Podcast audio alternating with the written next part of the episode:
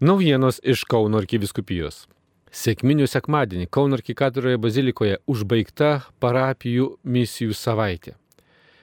Šią progą dėkota tėvams redemptoristams iš Slovakijos, kurie čia per visą savaitę mišiuose skelbė Dievo žodį, sakė katechezės, pamokslus, tarnavo žmonėms sutaikinimui su Dievu, klausė iš pažinčių, įvairiais būdais nešė miestui gerąją naujieną, talkinami pasauliečių misionierių iš Slovakijos ir Lietuvos bendruomenės gyvenimo upė ir mūsų arkiviskupijos misijų mokyklo.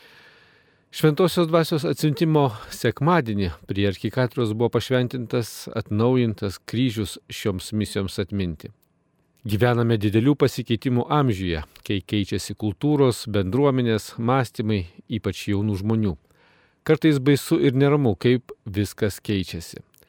Dėl baimės ar nerimo kartais žmonėms prireikia net vaistų. Kadangi pokyčiai yra pažanga, daugelis žmonių nori, kad pasikeistų ir Dievas. Viskas pasaulyje keičiasi. Tačiau kryžius 2000 metų išliko nejudanti mūsų gyvenimo šis, mūsų atrama. Sakė misionierius Kauno arkiviskupijoje tėvas redemptoristas Petris Hertelis šventųjų mišių homilijoje sėkminių sekmadienį. O iškilmės užbaigiant tėvai redemptoristai kalbėjo. Mes bandome atnešti žmonėms kryžiaus ženklą ir Dievo motinos nepaliaujamos pagalbos žinia, jos ikona. Kryžius sako, kad esame išgelbėti neapsakomos Dievo meilės. Ginklai, neapykanta negali išgelbėti pasaulio. Dievas išgelbėjo jį per meilę, per kryžių. Šita meilė yra išlieta šventosios dvasios mūsų širdise.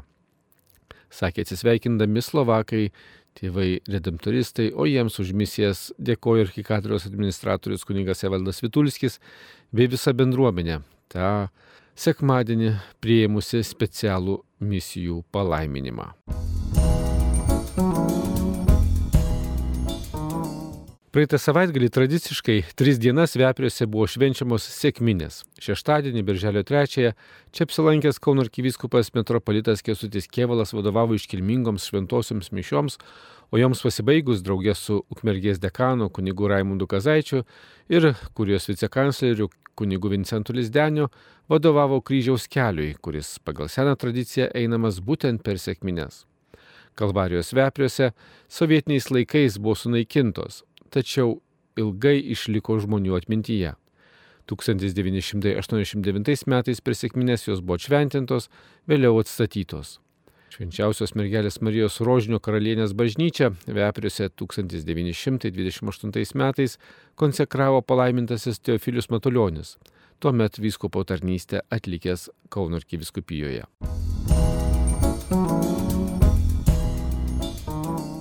Maldos trečiadienį arkikatedroje arkivyskupo Kestučio Kielo kvietimu melstasi už karito bendradarbius, savanorius, aukotojus, kurie pagelbėdami vargo ištiktiems šitokiu būdu skelbia Evangeliją.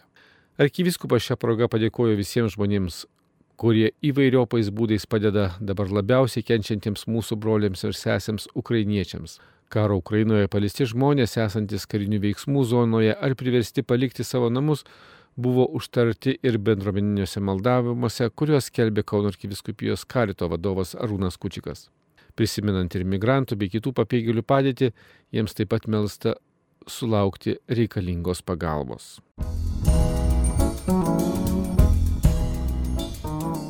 Rytoj, birželio 11, šeštadienį, 12 val.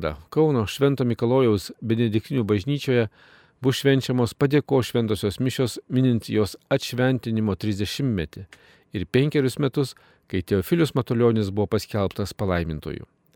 Iškilmėje dalyvaus ir apaštališkasis nuncijus arkivyskupas Petras Antonas Raičius.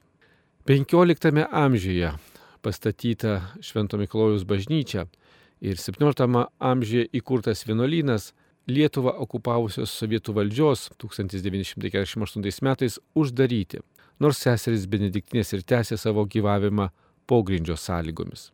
Ilgą laiką čia buvo knygų saugykla, o Lietuvai atgavus nepriklausomybę po atšventinimo 1992 metais bažnyčia tapo rektoratu, o 2009 metais šventovė perduota Kauno seserų Benediktinių vienuolynui. Nuo 2018 metų čia gerbiamos palaimintojo Teofiliaus Matulionio relikvijos. Nuo 1936 iki 1943 metų Teofilius Matuljonis ėjo šios bažnyčios rektoriaus ir seserų benediktinių kapeliono pareigas. Tai jis įsteigė šioje bažnyčioje ir švenčiausiojo sakramento adoraciją.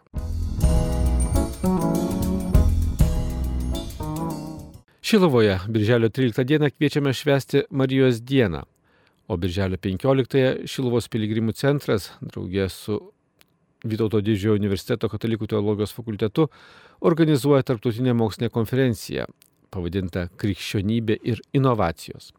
Per dieną nuotoliniu būdu bus perskaityta daugiau kaip 10 pranešimų apie krikščionybės ir inovacijų santyki, tikėjimo ir pasaulietiškumo dermes.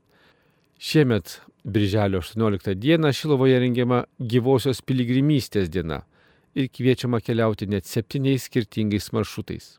Studentais draugės su arkivyskupu Lionginu Virbalu bei Kauno akademinės Silovados bendruomenė keliaus nuo Šiaulės kalno. Jaunimas eis nuo Tytovino, suaugusiai kartu su kunigo Artūru Kazlausku keliaus nuo Lydovino, o šeimos kviečiamos rinktis Maironio kelią. Daugiau informacijos bei kaip užsiregistruoti kviečiame žiūrėti Jono Paulius II piligrimų centro internetiniuose puslapiuose.